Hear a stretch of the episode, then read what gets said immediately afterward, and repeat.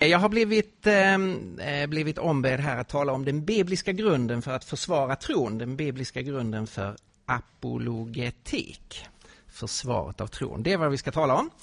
Vi kommer att tala om tron. Ska vi börja med att också eh, be till den Gud som vi eh, tror på och be att han välsignar den här kvällen. Här är det en sån enorm förmån att vi får vända oss till dig, att vi inte är lämnade åt oss själva på det här snurrande klotet utan att du finns som vår skapare och att du finns som, eh, som vår eh, frälsare, vår räddare, den som har vänt sig till oss när vi har vänt oss bort ifrån dig. Jag vill tacka dig för att vi får eh, leva i din värld och få leva öppet inför dig. Och nu ber jag dig att du ska välsigna den här kvällen.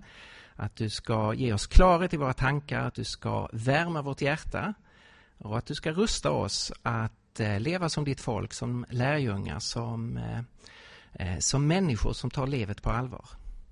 Så var med oss med din heliga Ande. Utmana oss, uppmuntra oss. I Jesu namn ber jag. Amen.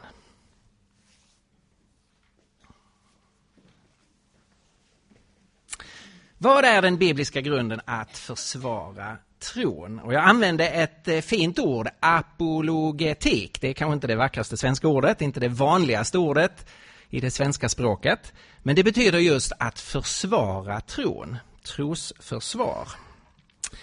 Apologetik, det ordet, det möter oss på många ställen i Nya Testamentet. Det är ett grekiskt ord. Det har sin bakgrund i domstolsväsendet, eller en av de grundläggande betydelserna, eh, det har med, eh, med en rättssituation att göra. I en domstol i antiken, precis som i en domstol idag, så finns det ju en åklagarsida. Någon framställer en anklagelse. Det kallas på grekiska för en kategoria. En anklagelse. Om ni läser i Apostlagärningarna 24, och vi ska lite senare läsa just i slutet av Apostlagärningarna, så är där en advokat som heter Tertullus. Han presenterar eh, sin anklagelse mot Paulus. Eh, Apostlagärningarna 24, vers 2. Tertullus presenterar sin anklagelse, sin kategoria. Och sen förstås, i antiken och idag, så får ju den anklagade ge sitt försvar och det heter apologia. Att försvara sig. Om man fortsätter läsa i Apostlagärningarna 24 i vers 10 så eh, säger Paulus där att, eh, eh, att han nu vill framlägga sitt försvar. Eh, det är därför med tillförsikt som jag försvarar min sak. Där står det apologia. Så apologetik det är att försvara i en domstol men också sen rent allmänt att svara för sig.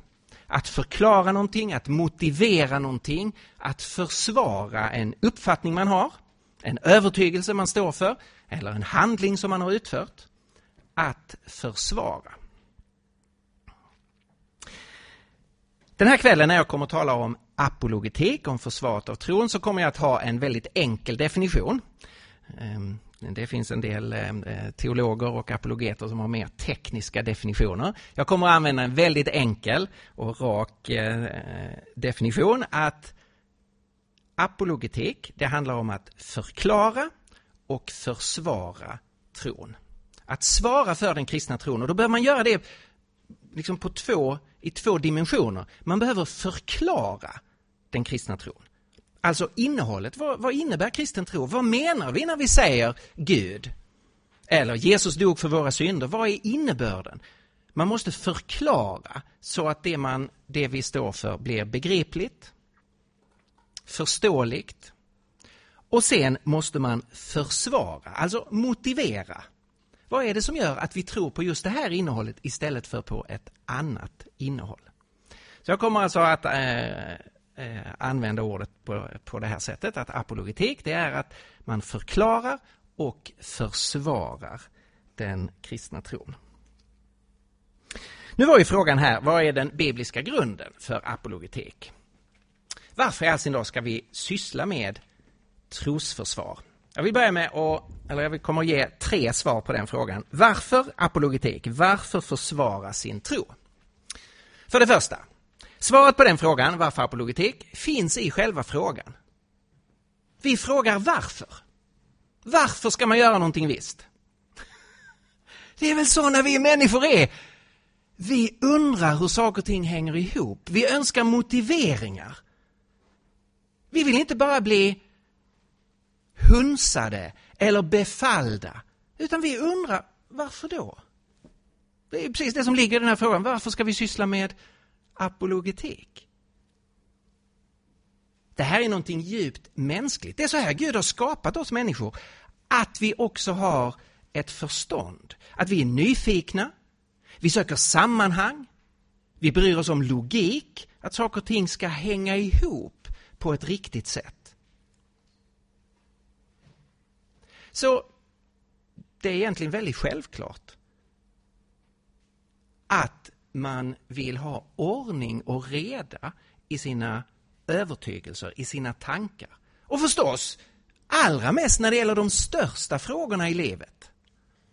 Om Gud, om vad som är meningen med allting, om vad som är rätt och fel, vart vi är på väg. Så, om man säger nej till apologetik, då tycker jag man säger nej till en grundläggande del av vad det är att vara människa. Och ur kristen synvinkel säger man nej till ett grundläggande som Gud har skapat oss med. Tankeförmåga, analysförmåga, reflektion. Så, det var ett kort första svar, eller hur? Det är viktigt att ställa frågan varför och så försöka besvara den. Det här har varit viktigt för kristna i alla tider. Vi ska om en liten stund titta i Nya Testamentet och se att det här att försvara, förklara och försvara den kristna tron, det var viktigt för den första generationen kristna. Och sen kan vi se i nästa generation så finns det en, en speciell grupp av kristna ledare och eh, förkunnare, kommunikatörer som man kallar just för apologeterna. Ja, hundratalet och framåt. Aristides, Atinagoras, Minius Felix, Justinus martyren som väl är den mest kända och, och flera andra. I sin tid så arbetade de med frågorna varför just vara kristen? Hur kan man försvara den kristna tron? De hade sina utmaningar, de var lite annorlunda än våra i sin konkreta eh, utformning. Men de var ju omgivna av ifrågasättande, av alternativ, av kritik i perioder av fruktansvärda förföljelser. Och det är klart att de behövde reda ut vad är det vi tror på, därför att det florerade en massa missförstånd om vad kristen tro är för någonting och vad kristna stod för. Och man behövde motivera tron. Varför skulle man vara kristen istället för någonting annat? Man mötte ju kritik och invändningar från synagogan. Alltså från judar och för den delen från gudfruktiga hedningar som hade kommit till tro på Israels Gud. Där människor sa, ja men Jesus kan inte vara Messias. Ja, men kom igen! Messias ska vara segerrik. Han ska vara stark. Han ska befria Guds folk. Och ni påstår att en person vars liv slutar i den största ynklighet, besegrad, förnedrad, torterad och korsfäst av hedningar, att han är Messias. Det hänger inte samman. Messias ska vara segerrik, stark. Slutsats, Jesus är inte Messias. Det är ju en värdig invändning, eller hur? Det är klart att man måste svara på den här invändningen, kritiken och reda ut hur kan man tro på en korsfäst Messias? De romerska myndigheterna och relationen till kejsaren och kejsardyrkan. Det fanns andra andliga rörelser. Vi talar om en väldigt bred rörelse som man kallar för gnosticismen. Andra andliga tankar av mycket mystisk art. Eh, av eh, tankegångar som handlar om hur människans själ ska smälta samman med det gudomliga. Tankar, eh, perspektiv som ser ner på det kroppsliga och det materiella. Ja, det är klart att de kristna måste förhålla sig till det. Det fanns den grekiska filosofin. Filosofer sådana som eh, Paulus mötte eh, på Areopagen. Stoiker och epikureer. Och de här apologeterna måste ju förhålla sig till de frågor och invändningar, alternativ och kritik som fanns i deras tid. Och de gjorde det. Och så har det ju varit genom historien. Att man har behövt förklara och försvara den kristna tron.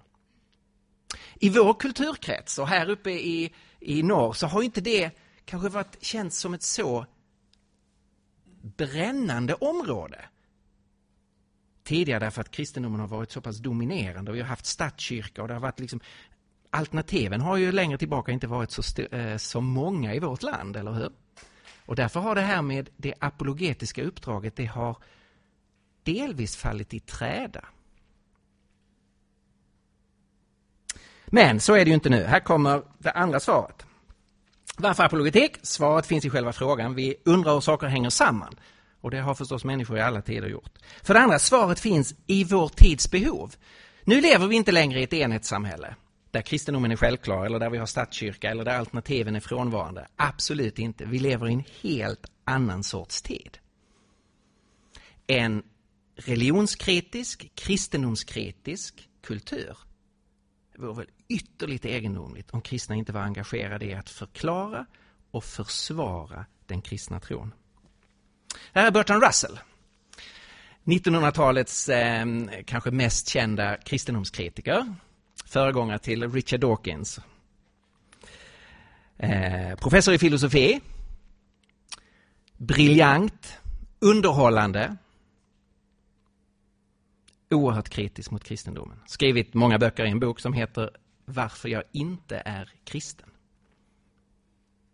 Han kunde säga så här 1930. Det är möjligt att mänskligheten står på tröskeln till en gyllene tidsålder. Men i så fall kommer det att bli nödvändigt att först dräpa draken som vaktar dörren. Och denna drake är religion. Ja, det här är före andra världskriget finns en, en viss optimism. Man, han, han föreställer sig att vår kultur, vi är verkligen på väg mot någonting gott. Ekonomiskt, tekniskt. Det väntar ett paradis här längre fram. Men vi har ett stort hinder. Det ligger en drake och vaktar dörren och den draken är religion. Och när Bertrand Russell säger religion så tänker han inte här på hinduismen. Han talar utifrån västerlandet och Europa. Det här syftar ju på kristendomen. Det är den kristna tron som är draken som förhindrar framsteg och utveckling och stänger dörren till ett mänskligt paradis. Så han arbetade ju hela sitt liv på att försöka slakta den här draken, kan man säga. Lyckades han?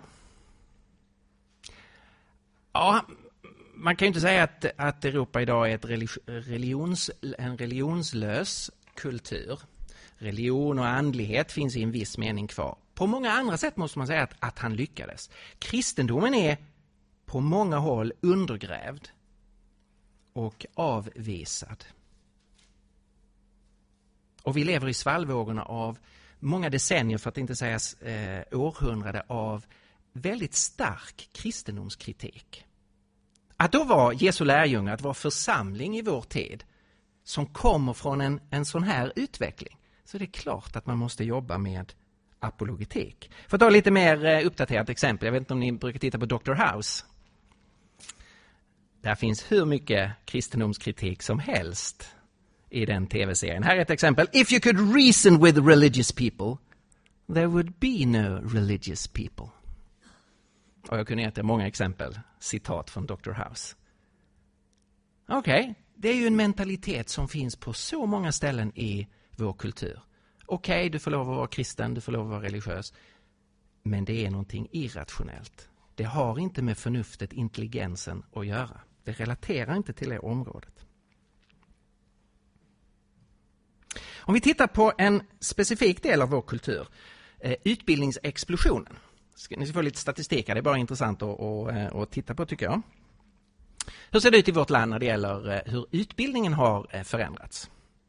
1938 tog mindre än 4 procent av en årskull tog studenten. 1947 hade det ökat med en hel procent, så då var det 5 procent av en årskull som tog studenten. 2010 började 99 procent av årskullen på gymnasiet, 75 procent tog studenten. enorm utveckling från att majoriteten av befolkningen har gått sex år i folkskola till att man 75 procent Eh, 99 procent börjar på gymnasiet och 75 procent kommer faktiskt ut på andra sidan. Om man tittar på när det gäller universitet och, och högskolor. På 30-talet så var det ungefär 15, student, 15, 000, 15 000 studenter inskrivna eh, vid, på universitet och högskolor. 50-talet hade det fördubblats till 30 000. 2010 så hade det tiodubblats till 370 000. Av en, eh, av en eh, jag tänka, nej det, måste, det, är, det är nog sammanlagt 370 000. Så det har skett en tiodubbling. Nå, nu är det jätteviktigt att säga, det finns ingenting i utbildning som står i kontrast till kristen tro. Tvärtom så har ju eh, universiteten i vår kultur har ju kristna rötter, har växt fram utifrån den kristna tron. Så utbildning och höjd utbildningsnivå är ju absolut inget hot mot den kristna tron. Inte alls. Men de av oss som har gått igenom det svenska utbildningssystemet. Vi kan ju fundera på, är det utbildningssystemet positivt till kristen tro eller är det negativt till kristen tro? Vad är det för perspektiv som uttalat eller outtalat förmedlas idag i svenskt utbildningsväsende? Och då skulle jag säga att det är ju helt överväldigande genom hela utbildningssystemet att det finns en kritisk dimension mot kristen tro. Ofta är det väldigt uttalat att man kritiserar den kristna tron. Och då får vi en situation där, eh, där mycket stora delar av befolkningen går igenom ett utbildningssystem, jättebra, i sig absolut inget hot mot kristen tro, men ett utbildningssystem som har valt ett sekulärt perspektiv som förmedlas i utbildningen och väldigt ofta en inbyggd kristendomskritik. Ja, i ett sånt läge, då finns det ju verkligen behov av apologetik. Att vi från församlingens sida måste förklara och försvara vår tro. Det finns ett fint ord som heter kognitiv dissonans. Kognitiv det har ju med tänkandet att göra. Dissonans det är ju när saker och ting skär sig. Och kognitiv dissonans, det är det som vi människor upplever när man håller två, ska försöka hålla två motstridiga idéer sanna samtidigt. Och det där klarar man inte i längden. Därför att dissonansen blir för stor och då får, har vi människor helt naturligt en inbyggd tendens att försöka reducera dissonansen genom att stöta bort den ena övertygelsen och mer helhjärtat omfamna den andra övertygelsen. Alltså, om ni tänker er, man har eh, två båtar och så sätter man en fot i den ena båten och den andra foten i den andra båten. Och det går ju stå så ett litet tag. Men när de börjar glida isär, alltså det gör fruktansvärt ont i skrevet. Och till slut har man inte en chans, man måste flytta över. Så man har båda fötterna i, i samma båt, eller hur? För man spricker annars. Det, det där är en, det är en form av fysisk, det är inte kognitiv utan fysisk dissonans, eller hur? Så. Kognitiv dissonans, det är när du har två övertygelser som inte går ihop. Och det är så många som växer upp i, den, i en kristen familj eller kristen församling som upplever just denna kognitiva dissonans. Här har man sin familj som man älskar. Där tror man på Gud. Där ber man till Gud som om det var meningsfullt och, och viktigt. Där går man till kyrkan och där läser man Bibeln som om det skulle vara en, en viktig bok. Ja. Sen finns man i utbildningssystemet som säger ja men Gud är en, det är en föråldrad idé. Vetenskapen har ersatt hela detta sätt att tänka. Det här är ju en bok full av myter som eh, det går inte att ta seriöst idag. Där bön är helt frånvarande. Det är bara något väldigt udda. Någon som ber. Okej, okay. så får du två helt motstridiga idéer. Och då får man kognitiv dissonans. Om man tittar på församlingsstatistik så är det ju så att den kristna församlingen dessvärre har minskat väldigt mycket under de sista 50 åren. Och det beror på den här kognitiva dissonansen. Att så många som har växt upp i en kristen miljö har känt av den här kognitiva dissonansen och har satt ner båda fötterna i fel båt. Inte i kyrkans skepp så att säga. Utan i kulturens perspektiv. Här måste ju vi jobba mer och bättre med att förklara och försvara den kristna tron. Så vi hjälper människor att se att man kan ställa båda fötterna på Guds ord i evangeliet. Och det funkar, det hänger ihop. Och man behöver inte leva i dissonans eller lämna tron.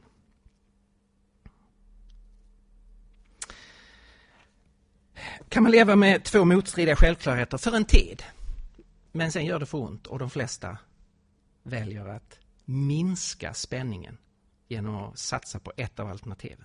Och då måste vi hjälpa människor att satsa på evangeliet förstås. Ja, så det var, min, ehm, det var min eh, andra punkt. Det finns massor med saker i vår tid, precis som de här apologeterna på hundratalet och framåt hade sina utmaningar. Så har vi våra utmaningar. Och vi måste ta tag i dem. Vi behöver duktiga apologeter som Justinus martyren. Och sen behöver vi en kultur av apologetik, alltså att församlingen, vi odlar en mentalitet av att förklara och försvara tron. Mitt tredje svar på den här frågan, varför apologetik? Det är att svaret här finns i Bibeln och det är ju vårt egentliga ämne för kvällen. Vad är den bibliska grunden för att försvara tron? Och då, om man studerar, och vi kommer att begränsa oss till Nya Testamentet. Eh, vi kunde läst många intressanta ställen i Gamla Testamentet, men om vi håller oss till Nya Testamentet så finns det mycket material om att försvara tron. Sammanhang som använder just det här grekiska ordet apologeas och det handlar om apologetik. Och här är det mest kända, första Petrusbrevet 3, vers 15 och 16. Man kan väl kalla det här för apologetikens lilla bibel. Ni vet lilla bibeln, Johannes 3.16, suverän sammanfattning av bibelns huvudbudskap. Ty så älskade Gud hela världen att han utgav sin enda son för att var och en som tror på honom inte ska förgås utan ha evigt liv.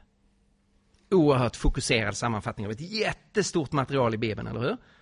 Men en älskad vers just därför att den är så fokuserad och får med så många viktiga aspekter.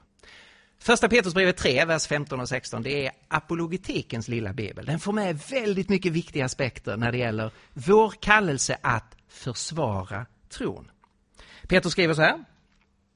Men Herren, det är Kristus, ska ni hålla helig i era hjärtan. Var alltid beredda att svara var och en som kräver besked om ert hopp. Men gör det ödmjukt och respektfullt, i medvetande om er goda sak, så att det som talar illa om ert fromma liv i Kristus får skämmas för sitt förtal. Notera vilket eh, helhetsperspektiv som Petrus har här. Han talar om vårt hjärta. Kristus ska vara helig i vårt hjärta. Så kristen tro kan aldrig göras om bara till resonemang eller argument eller något som enbart berör intellektet. Det handlar förstås om att vi har en öppen relation till Kristus, att Kristus bor i våra hjärtan. Han talar i slutet av sammanhanget här om vårt liv.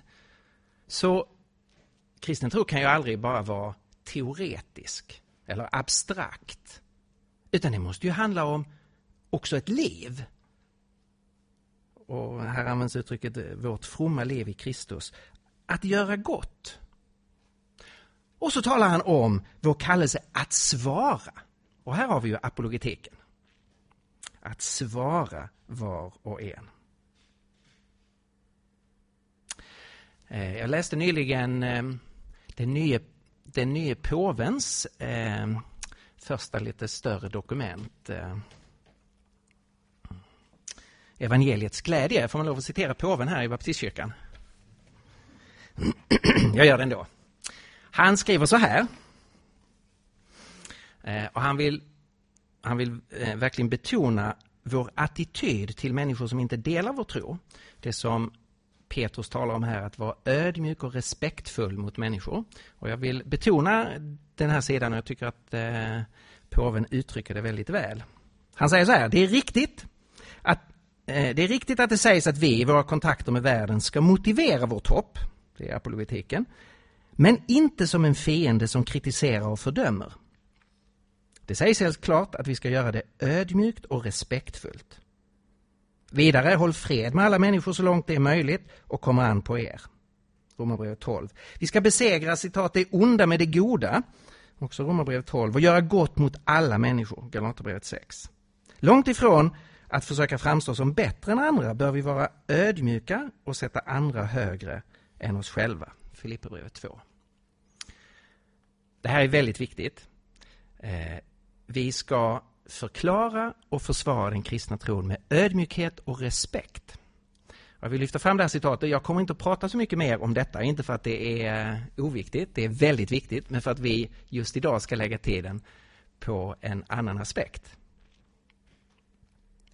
Det som vi kommer att prata om här nu, det är det som Petrus sa i mitten av det här jag citerade. Mellan detta att Kristus ska vara helig i vårt hjärta och att vi ska visa ödmjukhet och respekt och, och eh, tysta kritiker med, med, eh, med vårt fromma liv. Så säger han, var alltid beredda att svara var och en som kräver besked om ert hopp. Här används det här grekiska ordet apologia, en form av det. Var alltid beredd att svara. Var och en som kräver besked, och där står eh, en form av det grekiska ordet logos. Den som undrar hur det hänger ihop. Logiken bakom, så att säga, sammanhanget. Det här är en väldigt generell, väldigt tydlig utmaning till oss som är kristna. Vi ska alltid vara beredda att svara var och en som kräver besked. Det är väldigt brett och öppet, eller hur? Alltid beredd. Svara var och en. Om man ska vara beredd, alltid, konstant, så måste man förbereda sig, eller hur? Annars är man inte beredd. Då måste man vara förberedd. Och en sån här eh, en sån här kvällsserie som ni har här, det är ju en alldeles utmärkt eh, sätt att förbereda sig. Så vi bättre och bättre är kontinuerligt beredda att gå i dialog med människor som undrar, hur kan du tro på Gud? Hur kan du ha det här hoppet om framtiden? Hur kan du tänka så om Jesus? Hur kan du... Alltid beredd att svara var och en som kräver besked. Så säger Petrus. Här har vi apologetikens eh, lilla bibel. Är det bara Petrus? Eftersom jag nu citerade Bertrand Russell tidigare så citerar jag honom igen. Han säger så här på ett annat ställe. Så vitt jag minns finns det inte ett enda ord i evangelierna som berömmer intelligens. Okej, okay, så han tänker sig att eh, i evangeliet finns det ingenting som så fall skulle ha till exempel med apologetik att göra. Så vitt jag minns finns det inte ett enda ord i evangelierna som berömmer intelligens. Och sen kommer en liten en liten tackling här mot prästerskapet. Och i det avseendet följer präster evangeliets auktoritet närmre än i en del andra avseenden. Detta måste betraktas som ett allvarligt fel i den etik som lärs ut. Alltså, han säger, här är ett område där präster för en gångs skull följer evangeliets ord. Så de gör ingenting intelligent. Och det är klart att, att det här är en väldigt allvarlig kritik. Nu känns det ju väldigt bra att få lov att korrigera en professor från Oxford, eller hur? Och ni ser att han, han, han vacklar ju lite här, så vitt jag minns. Det där är en feg formulering. Det är väl inte så svårt att ta reda på.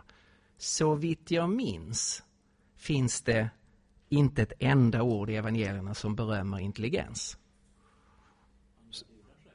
Han garderar sig. Så ska vi hjälpa professorn att minnas. Okej, okay, han var från Cambridge, men sen blev han professor i, i Oxford, eller? Ja. Eh, den skammen får nog Oxford bära. Man skulle ju till exempel kunna påmint Bertrand Russell om diskussionen om det största budet i lagen. När man kommer till Jesus och frågar vad är det viktigaste, vad är det största budet i lagen? Det här finns ju återgivet i både Matteus, och Markus och Lukas. Och Jesus ger sitt väldigt berömda svar. Han citerar från femte Mosebok kapitel 6 och talar om kärleken till Gud och så kombinerar han det med eh, tredje Mosebok 19 om kärleken till nästan. Ordagrant så säger Jesus här, du ska älska Herren din Gud av hela ditt hjärta och med hela din själ och med hela din kraft och med hela ditt förstånd. och din nästa som dig själv. Det här måste man väl säga är ett berömmande ord om intelligensen. Den ska sättas i relation till Gud och användas för att älska och ära Gud. Precis som hjärta och själ och kraft. Extra intressant blir det om man slår upp 5 Mosebok kapitel 6. För där står inte förstånd. Det är faktiskt något som Jesus lägger till. Kolla själv vad ni vill. Där står det, du hör Israel, Herren vår Gud, Herren är en. Och du ska älska Herren din Gud av hela ditt hjärta, med hela din själ och med all din kraft. Så Jesus förtydligar det här bibelstället genom att lägga till förstånd. Så det är uppenbart att det inte var någon oviktig del för Jesus. Nu kan man säga att det ligger fördolt i den hebreiska texten här. Det hebreiska begreppet hjärta har inte vår betydelse där det, står, där det står för känsla. Hos oss så står ju hjärta för känsla och så står det i kontrast till, till hjärna då som står för tanke. I hebreiskan så står hjärtat för människans personlighet. Och det inkluderar eh, både känsla och tanke. Så att när det här ska översättas så att säga, till en eh, grekisk språkvärld så blir det naturligt att förtydliga att det inte bara har med hjärta i betydelsen känsla att göra utan också intellektet. Ja, det här var ett, ett enskilt bibelställe. Men man kan också se på Jesu attityd. Och det här är, det är intressant, alltså hur föreställer du dig Jesu verksamhet? Man kan ju tänka på Jesus som förkunnare. Han var en fantastisk förkunnare. Han förkunnade i synagogorna, han höll predikningar som vi har återgivna som bergspredikan. Men det där var inte det huvudsakliga, i alla fall inte det som evangelierna återger. Det här kan man visa rent statistiskt. Om man gör en ordsökning i evangelierna så är det så här att ordet frågade finns 145 gånger. Ordet svarade finns 275 gånger. Vad signalerar det? Att evangelierna är fullspäckade med dialoger. Det är faktiskt huvuddelen. Det är mycket större del än formella predikningar som är återgivna. Utan det är dialoger. När enskilda människor kommer och ställer frågor eller utmanar eller kritiserar eller undrar och Jesus svarar. Och där Jesus ställer frågor tillbaka. Där större grupper kommer. Det böljar ett samtal. Jesus är inte som Buddha som kallar människor att dra sig undan, att meditera, att sitta tysta och hitta någon sorts upplysning. Jesus förkunnar, förklarar, argumenterar, kritiserar. Han använder själv förstånd. Han är knivskarp om du analyserar de dialoger som vi har med Jesus. Och han utmanar människor att tänka igenom frågeställningar. Så man kan säga att Jesus inte bara talar om att vi ska älska Gud med vårt förstånd. Han praktiserar det rakt igenom evangelierna.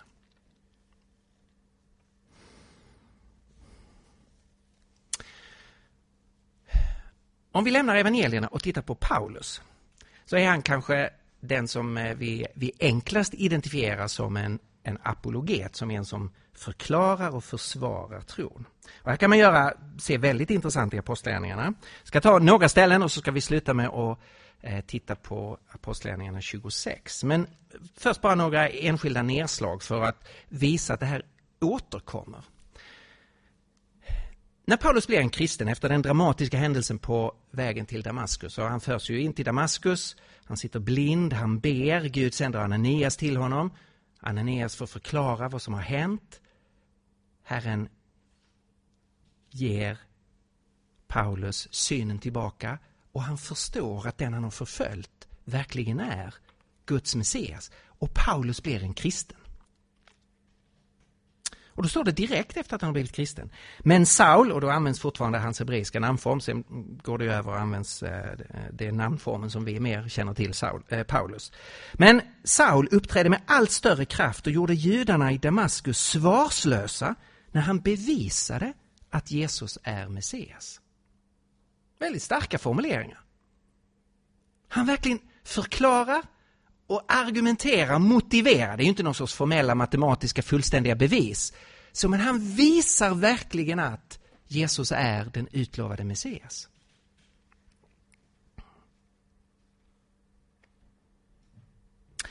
Några år senare när han kommer till Beroja så står det så här. Så snart de kom till Beroja gick de till synagogan. Judarna där var mer vidsynta än de i Thessalonike. De tog emot ordet med stor beredvillighet och forskade dagligen i skrifterna för att se om allt detta stämde. Det är alldeles uppenbart att Paulus som då är där och förkunnar evangeliet, han lämnar människor frihet att undersöka och forska och gå till botten med hur hänger det här ihop? Han har inga problem med att människor möts i synagogan, läser om skrifterna för att se om det stämmer. För om det inte stämmer ska man ju inte tro att Jesus är Messias förstås. Men Paulus har den sortens trygghet som den har som vet att man har sanningen på sin sida.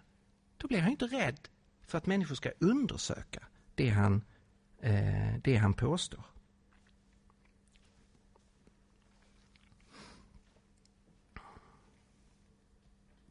Det står så här i Apostlagärningarna 17 och nu väljer jag att läsa en engelsk översättning därför att svenska översättningar tonar ner ett antal viktiga aspekter. Till exempel ett ord som heter på grekiska heter dialegomai. Som betyder att resonera, att argumentera. Översätts konsekvent med han talade i svensk översättning. Men det är ju inte samma sak. Det finns ett annat grekiskt ord som betyder att tala. Eh, lalein. Dialegomai är en viss sorts tal. Det är resonerande talet, det är argumenterande talet. Och det här lyfts fram mycket tydligare i engelska översättningar. Så eh, här är för New International Version som är den mest kända eh, eller mest spridda engelska översättningen. Och det är från Apostlagärningarna eh, 17. Och jag läser från den, eh, från den andra eh, versen. Där står det så här. He reasoned with them from the scriptures explaining and proving that the Christ had to suffer and rise from the dead. This Jesus I am proclaiming to you is the Christ, he said. Some of the Jews were persuaded. He reasoned, han resonerade utifrån skriften. Explaining and proving. Förklarade och försvarade.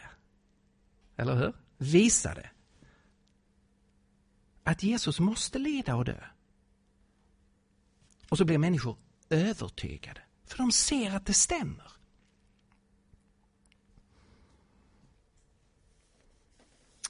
På scenen 19 så står det i synagogan talade Paulus under tre månader öppet fritt och sökte övertyga dem om Guds rike. Igen så tonar man ner och försvagar i svenska översättningar. Engelska översättningar har så här. He was arguing persuasively about the kingdom of God. Alltså, han argumenterade övertygande om Guds rike. Det här var någonting som var karaktäristiskt för Paulus. Han argumenterade övertygande om Guds rike. För att visa det så ska vi eh, se eh, hur det funkar lite mer i, i praktiken. Så ska vi titta på Apostlagärningarna 26.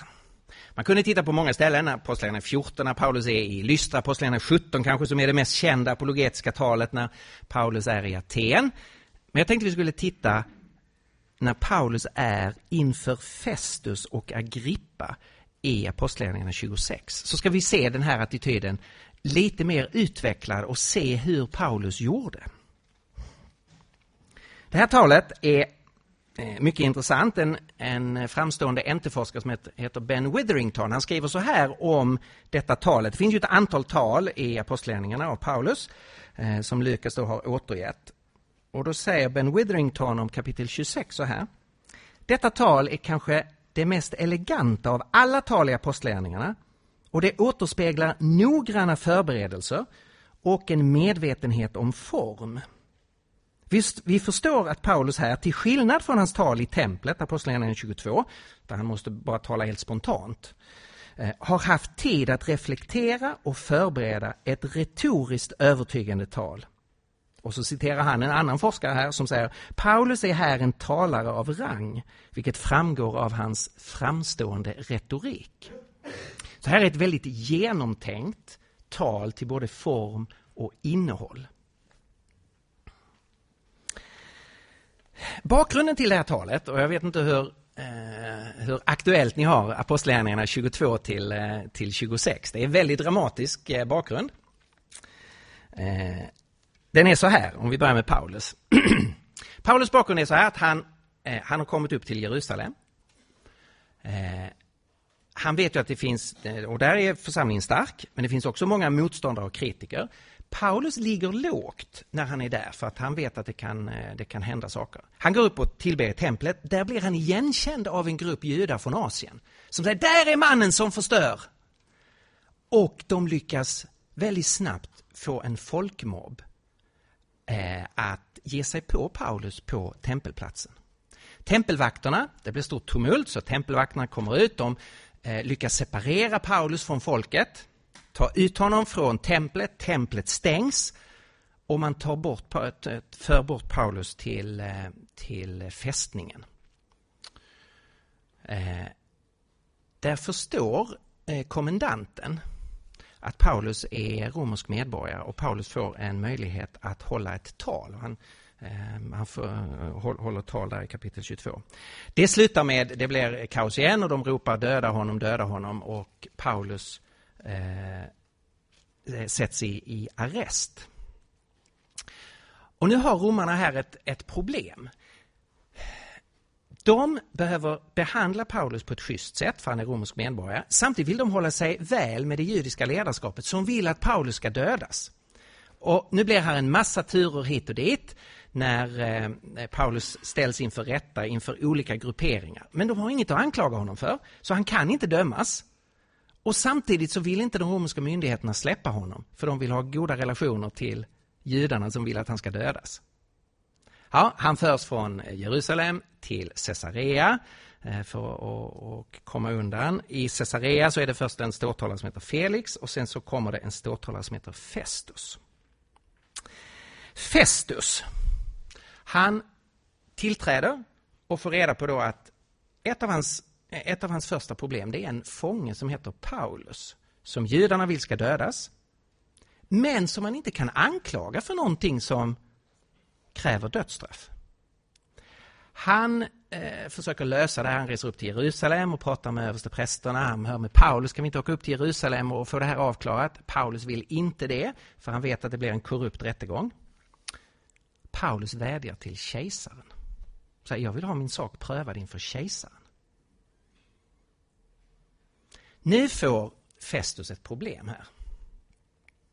Han måste leverera Paulus till kejsaren och då måste han skriva vad han är anklagad för. Men han har inget han kan anklaga Paulus för. För han hamnar i ett bryderi. Hur ska han presentera Paulus inför kejsaren? Då händer något som hjälper honom. Kung Agrippa kommer på besök.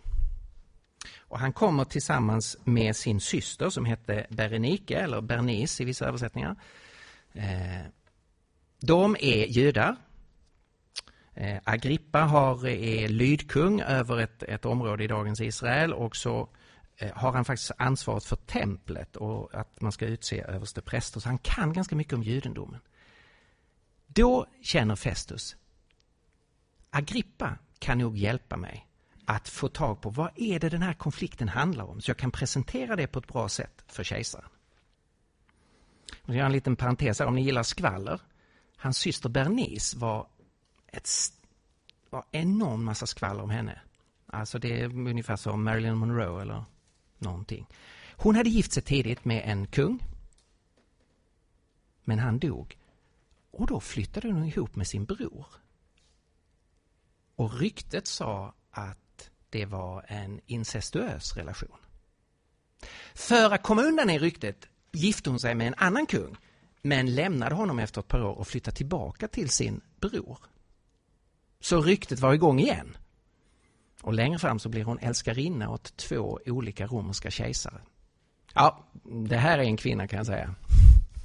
Det pratades mycket om henne. Och eh, nu är hon här. Agrippa och hans syster Berenike kommer på formellt besök till Caesarea. Och då ställer Festus till med en bankett där han bjuder in Paulus att presentera sitt case. Ben Witherington igen, när han skriver om detta, eh, säger så här. Den banketten, det beskrivs här som ett statsbesök, komplett med kunglig mundering och mycket pompa och ståt. En rättslig förhandling har förvandlats till underhållning och teater. Den grekiska termen när den kombineras med den prepositionen betyder pompa och avser delvis den ståtliga entrén Agrippa och Berenike gör till festsalen. Efter den kom olika andra hedersgäster, inklusive militära ledare och ledande män från staden Caesarea, som förmodligen till övervägande del, om inte uteslutande, var hedningar. Det här är situationen, kan du tänka dig? Om jag ska hjälpa din fantasi, tänk på den 10 december. Ni vet festen vi alla vill bli bjudna till. Nobelfesten, eller hur? Finaste festen i Sverige. Och det är klart det är middagsunderhållning, eller hur? Där är hela gräddan, eliten i Sverige där. Och så är det middagsunderhållning. Det är den här sortens bankett som Festus har ordnat. Kung Agrippa och hans syster kommer in i högtidskläder, konungsligt liksom markerade att de är eh, att de är deras status. Och sen alla de ledande i Caesarea. Och sen kommer Paulus in. Han har suttit flera år i fängelse. Han kommer fängslad vid en romersk soldat. Och Festus säger, varsågod, presentera ditt case.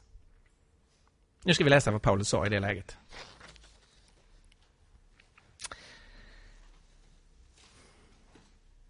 Agrippa sa då till Paulus, du har min tillåtelse att föra din talan. Då lyfte Paulus handen och började tala till sitt försvar. Kung Agrippa, jag är lycklig över att det är inför dig som jag idag får försvara mig mot allt som judarna beskyller mig för. Särskilt som du så väl känner till alla judiska seder och bruk och tolkningsfrågor. Därför ber jag dig lyssna på mig med tålamod. Hur mitt liv har varit från det jag var ung ända från början bland mina landsmän och sedan i Jerusalem, det vet alla judar. De känner mig sedan gammalt och om de bara vill kan de intyga att jag levt som farisé i överensstämmelse med vår religions strängaste riktning. Vad jag nu står till svars för är hoppet om det som Gud har lovat våra fäder och som vårt folks tolv stammar väntar sig att få se uppfyllt genom att oavlåtligt tjäna Gud dag och natt. Det är för det hoppets skull, kung Agrippa, som jag nu anklagas av judarna. Varför anser man det otroligt bland er att Gud uppväcker döda?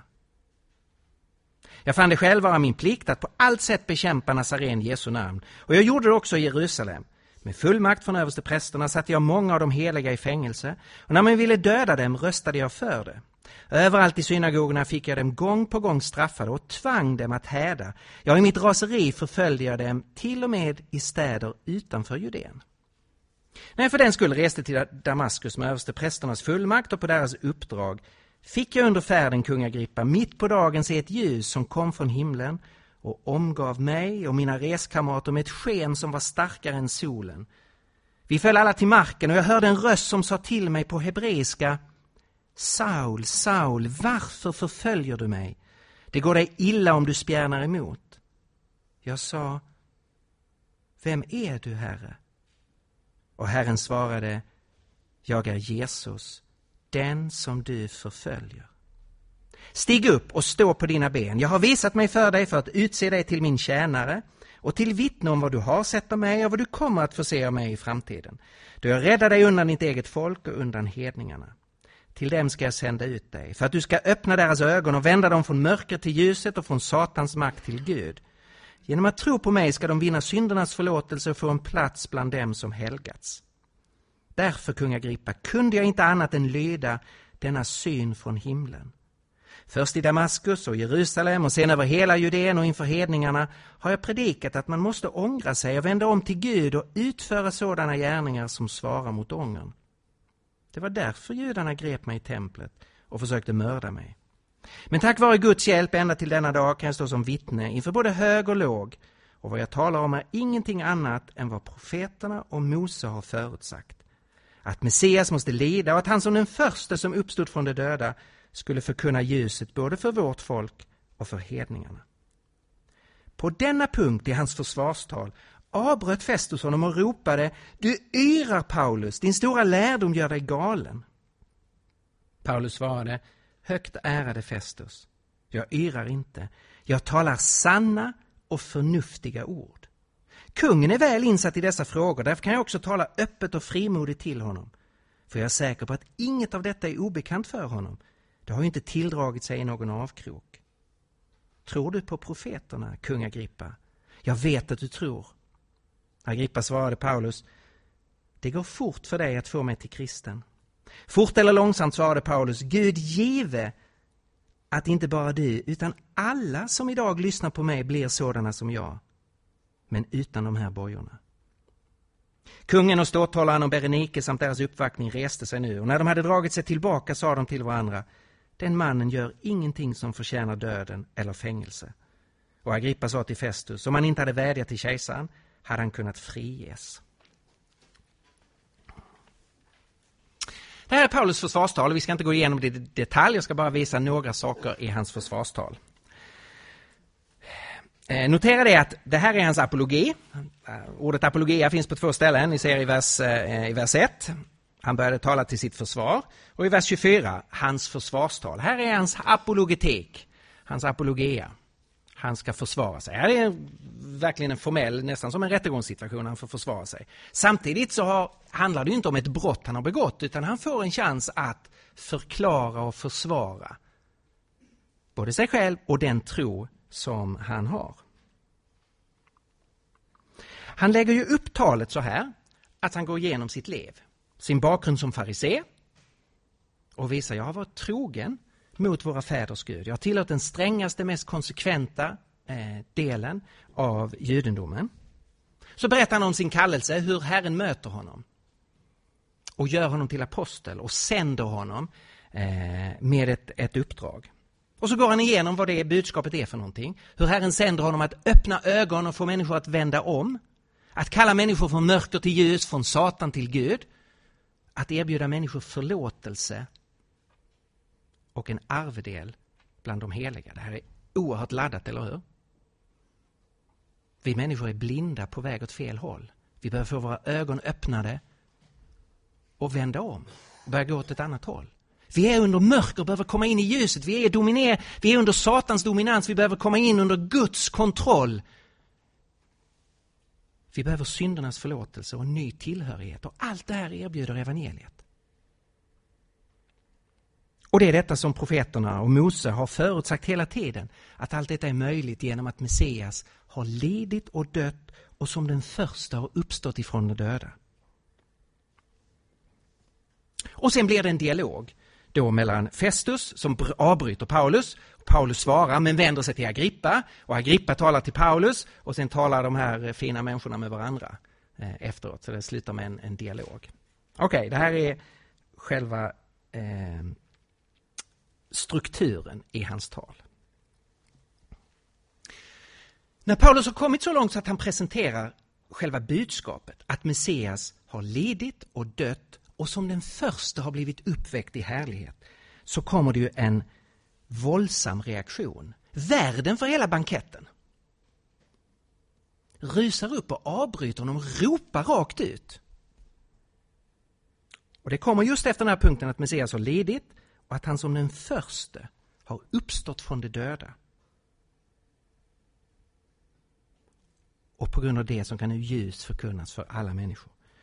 Och Festus avbryter honom och ropar Du yra Paulus, din stora lärdom gör dig galen.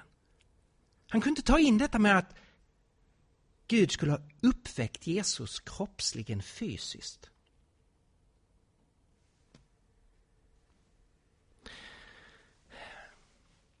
Det här, det som följer sen blir ju då väldigt intressant för oss.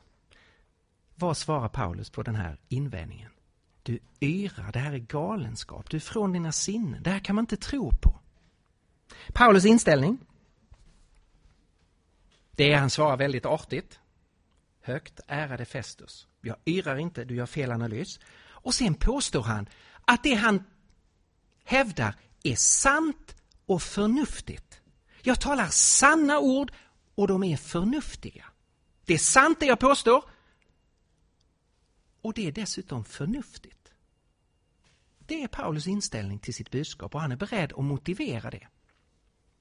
Men notera att han, han skulle ju kunna sagt, som väldigt många religiösa människor säger, ja det är sant det här låter som dårskap men vi, vi kristna vi älskar att tro på sånt som är dåraktigt. Det hade ju varit en respons, eller hur? Ja, det är sant Festus, men du vet hjärtat har sina skäl som förnuftet aldrig förstår, så jag tror i alla fall. Han kunde ha sagt alla möjliga saker. Han säger, jag yrar inte, jag talar sanna och förnuftiga ord. Här har vi Paulus som apologet, eller hur? Han hävdar att detta är sant och det går att i tillräcklig grad förstå och motivera. Och så kommer hans motivering. Hur kan detta vara förnuftigt? Hur kan man, hur kan man hävda att detta är sant och att det är förnuftigt?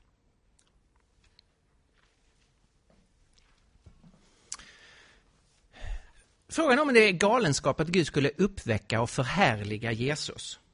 Det beror ju helt och hållet på vad du har för världsbild, vad du utgår ifrån. Om det inte finns en Gud så är det klart att Jesus inte har uppstått. Eller blivit uppväckt, eller hur? Då är det ju en irrationell, omöjlig tankegång. Många i, i antikens värld, de, de tänkte ju, ah, det fanns en del cyniker, de tänkte ju så här, det finns ingen fortsättning efter, efter det här livet. När vi dör så är vi bara borta. Så det är klart, då är det, om det är sant, då är det klart att det inte finns någon uppståndelse. Många andra tänkte ju, nej men själen lever nog vidare i någon slags dödsrike. Själen vandrar vidare på något sätt, så någon slags fortsättning finns det. Men det är ingen kroppslig, fysisk fortsättning.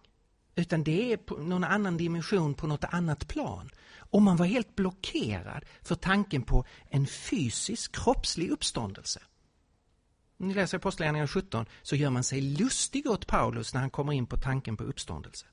Det här vet Paulus om. Så tidigt i sitt tal har han slängt ut en väldigt bra retorisk fråga. Ser ni vers 8?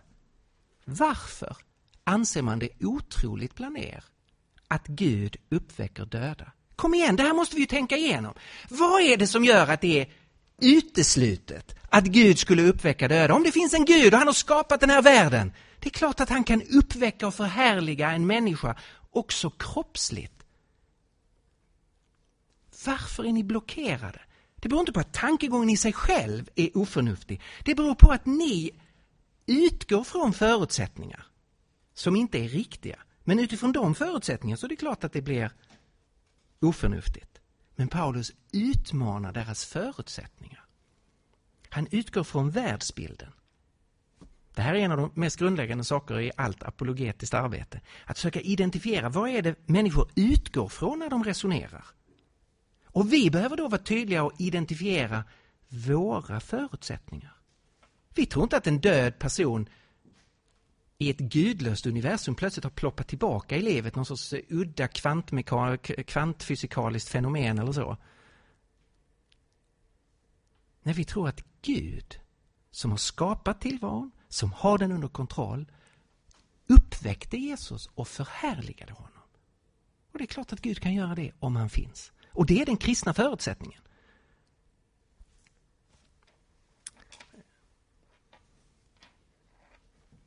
För det andra så,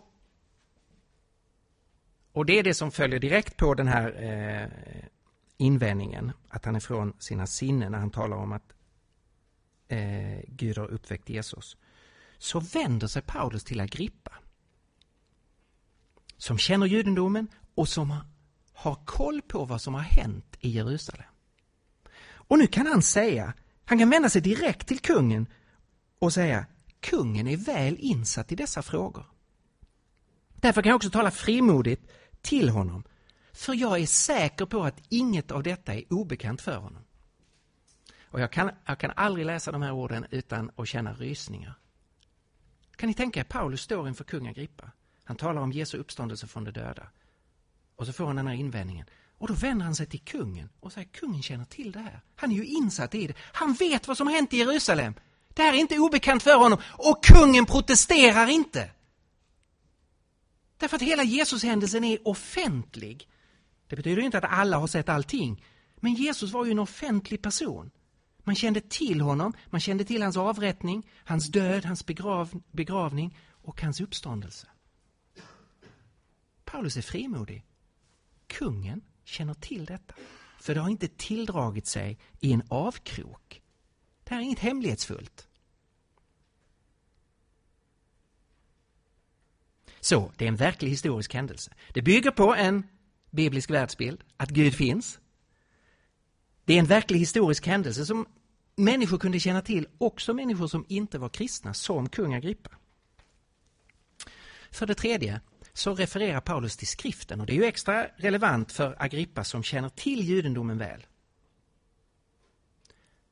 Tron på Jesus passar in i ett fantastiskt mönster av det som Gud har gjort genom historien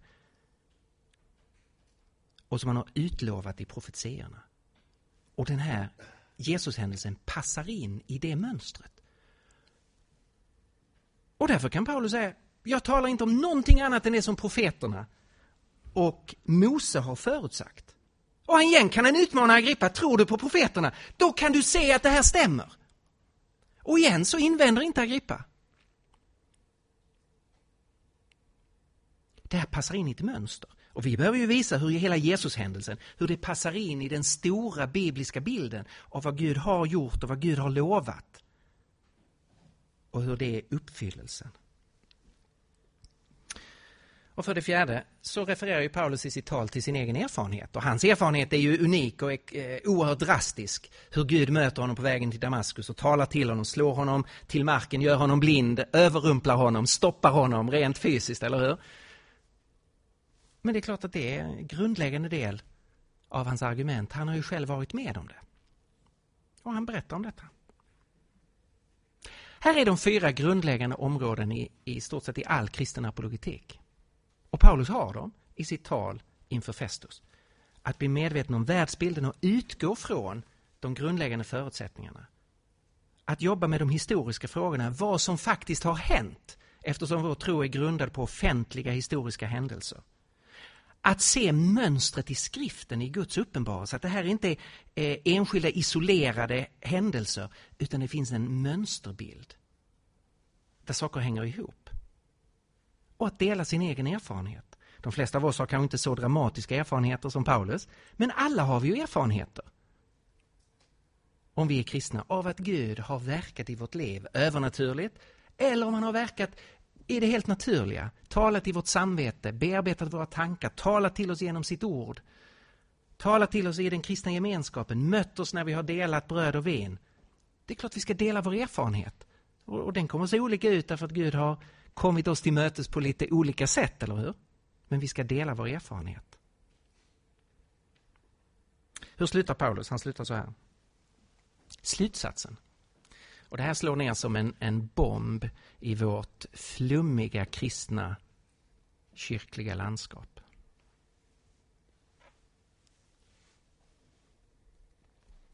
Vad säger han till kung Agrippa och hans syster Berenike och de höga militärerna i Caesarea och hela eliten.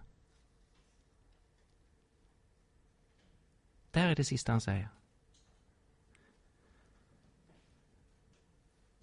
Och tänk situationen, han talar till en kung. Här står han fängslad vid en romersk soldat.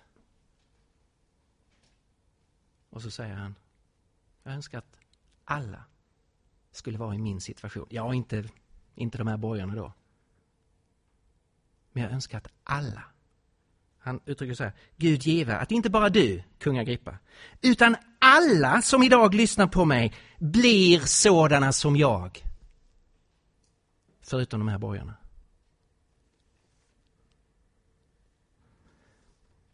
Alltså, han hävdar att evangeliet är en universell sanning. Det finns inte ett uns av den sortens relativism som vi traskar omkring i idag. Han kunde ju ha sagt och den här sanningen passar mig väldigt bra. Men det är klart att eh, du har ju ditt sätt att se på saken, kung Agrippa. Så att eh, vi kan väl skiljas åt här som goda vänner.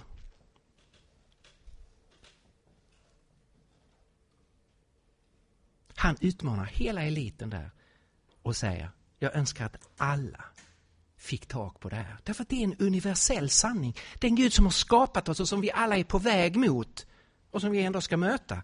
Han har handlat och agerat exklusivt unikt i Jesus från Nasaret och alla behöver få tag på det. Och det är mycket bättre att få tag på det och stå i bojor än att missa det och sitta och vara kung vid en bankett. Därför att de här sakerna går inte att jämföra. Så, här har ni Paulus apologetik. Världsbilden, historien, skriften, erfarenheten. Och det bärs upp av att han är övertygad om att detta är en universell sanning. Att det är sant, att det är förnuftigt. Och det argumenterar han för. Gud give att vi blir lite mer lika Paulus på de här områdena i, eh, i, vår, i vår tid, i de utmaningar vi står inför. Att eh, hjälpa varandra och utmana vår samtid. Att se det som Gud har gjort i Kristus. Okej, okay, tack för att ni har lyssnat så länge. Det blev lite längre än jag tänkt. Eh, men jag ska hålla mitt löfte att eh, det finns möjlighet för frågor. Eh, om det finns frågor, invändningar, kritik, synpunkter, kommentarer. Ja, varsågod. Jag undrar lite om du har tänkt på varför svensk kyrklighet och frikyrklighet i stort är så pass dålig på ta upp det här. Varför är det inte så att alla kyrkor, 70 procent av alla kyrkor, bara är förberedda och vet? Varför har vi lullats in i det här? För vi har, det är inget nytt det här med multikulturalism och Nej, Paulus var, eh, var ju eh, konfronterad med eh, mångkultur kan man säga, många olika uppfattningar och så. Eh, det finns säkert eh, ett antal olika, ett antal olika eh, svar man skulle kunna ge på det. En, ett svar, det är eh, att vi har haft, vi har haft en felaktig teologi skulle jag säga, där vi har spelat ut ande och argument mot varandra. Där vi har spelat ut tro och förnuft mot varandra på ett sätt som Bibeln inte gör. Och, och, där vi har varit obalanserade. Det är alldeles riktigt och, och, väldigt viktigt att eh, den heliga Ande är helt grundläggande i kristen tro och för kristet liv och att det är den heliga Ande som drar oss till Kristus och, och ger oss tro. Men då har vi ofta skapat någon sorts kontrast att därför är inte vårt förnuft involverat. Därför använder inte anden vårt förnuft. Vilket ju är helt, eh, är helt felaktigt. Och i Nya Testamentet så ser man inte den sortens kontrast utan anden är sanningens ande. Och vi ska växa till i ande och förstånd. Så vi behöver göra upp med en, en felaktig teologi. Eh, det har ofta skett en, ett misstolk, man har misstolkat eh, kända bibelställen som talet om korset är en dårskap. Så, så citerar man på det, det på det sättet och säger ja det här är dåraktigt men vi tror i alla fall. Trots att Paulus inte alls säger så. Och det är ganska uppenbart att den Paulus som vi har studerat här, han skulle inte uttrycka sig så att talet om korset är en dårskap. Så om du läser första Korinthierbrevet 1.18 så står det talet om korset är en dårskap för de som går förlorade. Alltså människor som avvisar det påstår att det är dåraktigt, som Festus. Men Paulus protesterar ju mot det och säger ni har fel i er bedömning. I verkligheten, och nu citerar jag igen från samma ställe, första Korinthierbrevet 1, så är talet om korset det är Guds kraft och det är Guds vishet. Så det är en skandal att vi från så många kristna predikstolar predikar det som världen säger om vårt budskap. Alltså vi säger talet om korset är en dårskap. Det ska ju inte vi säga. Ja, för att vi har fått för oss att det är mm, fromt och, och, så. För att vi inte läser texterna ordentligt och ser att det är de som går förlorade som hävdar det. Men i sig självt är detta den djupaste visdomen. Och det är kraften som kan frälsa oss. Så vi ska ju predika det som är sant om evangeliet, inte de falska påståenden som världen gör om evangeliet. Så här, här behöver vi jobba mycket med, med vår teologi, med, med bibeltexter. Så det har funnits med som en eh, som en sida. Eh, vi, har, vi har lite lämnat walkover i, i, när den här kristendomskritiken har rullat in över vår kultur. Då har det varit ett, en liten genväg och säga vi släpper det där och så predikar vi evangeliet i andens kraft och så bryr vi oss inte om de intellektuella utmaningarna. Eh, och jag tror att det har varit ett, ett, stort misstag. Vi ska självklart predika evangeliet i andens kraft och eh, när, eh, om, om människor inte har intellektuella invändningar så ska vi inte skapa dem för människor. Alltså om, om vi möter människor som är som fångvaktaren i Filippi, Apostlagärningarna 16. Han blir plötsligt medveten om att det finns en levande Gud och han är konfronterad med en Gud som har fått fängelset att, och, att rasa, eller hur? Och han söker upp Paulus och säger Vad ska jag göra för att bli frälst? Ja, då ger Paulus ingen apologetisk predikan. Eller hur? Det vore ju totalt fiasko. Han säger ju det enda man ska säga. Tro på Herren Jesus så blir du frälst. Så jag menar nästa människa du möter som säger vad ska jag göra för att bli frälst? Ge inget apologetiskt föredrag. Säg som Paulus. Tro på Herren Jesus så blir du frälst. Men kom igen, när träffade du senast en svensk som kom fram till dig och sa Vad ska jag göra för att bli frälst? Ja, men vi är ju inte där, eller hur? Därför att de flesta är antingen ointresserade därför att man är bedövade av, eh, eh av eh, sinnesintryck och av det materiella och av njutningen och, och sådär. Eller så är man blockerad för man tror, tror inte att evangeliet kan vara sant.